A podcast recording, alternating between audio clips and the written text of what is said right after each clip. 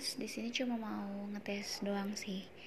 Karena aku baru buat akunnya dan aku mau belajar buat nge ekspor ke Spotify gitu.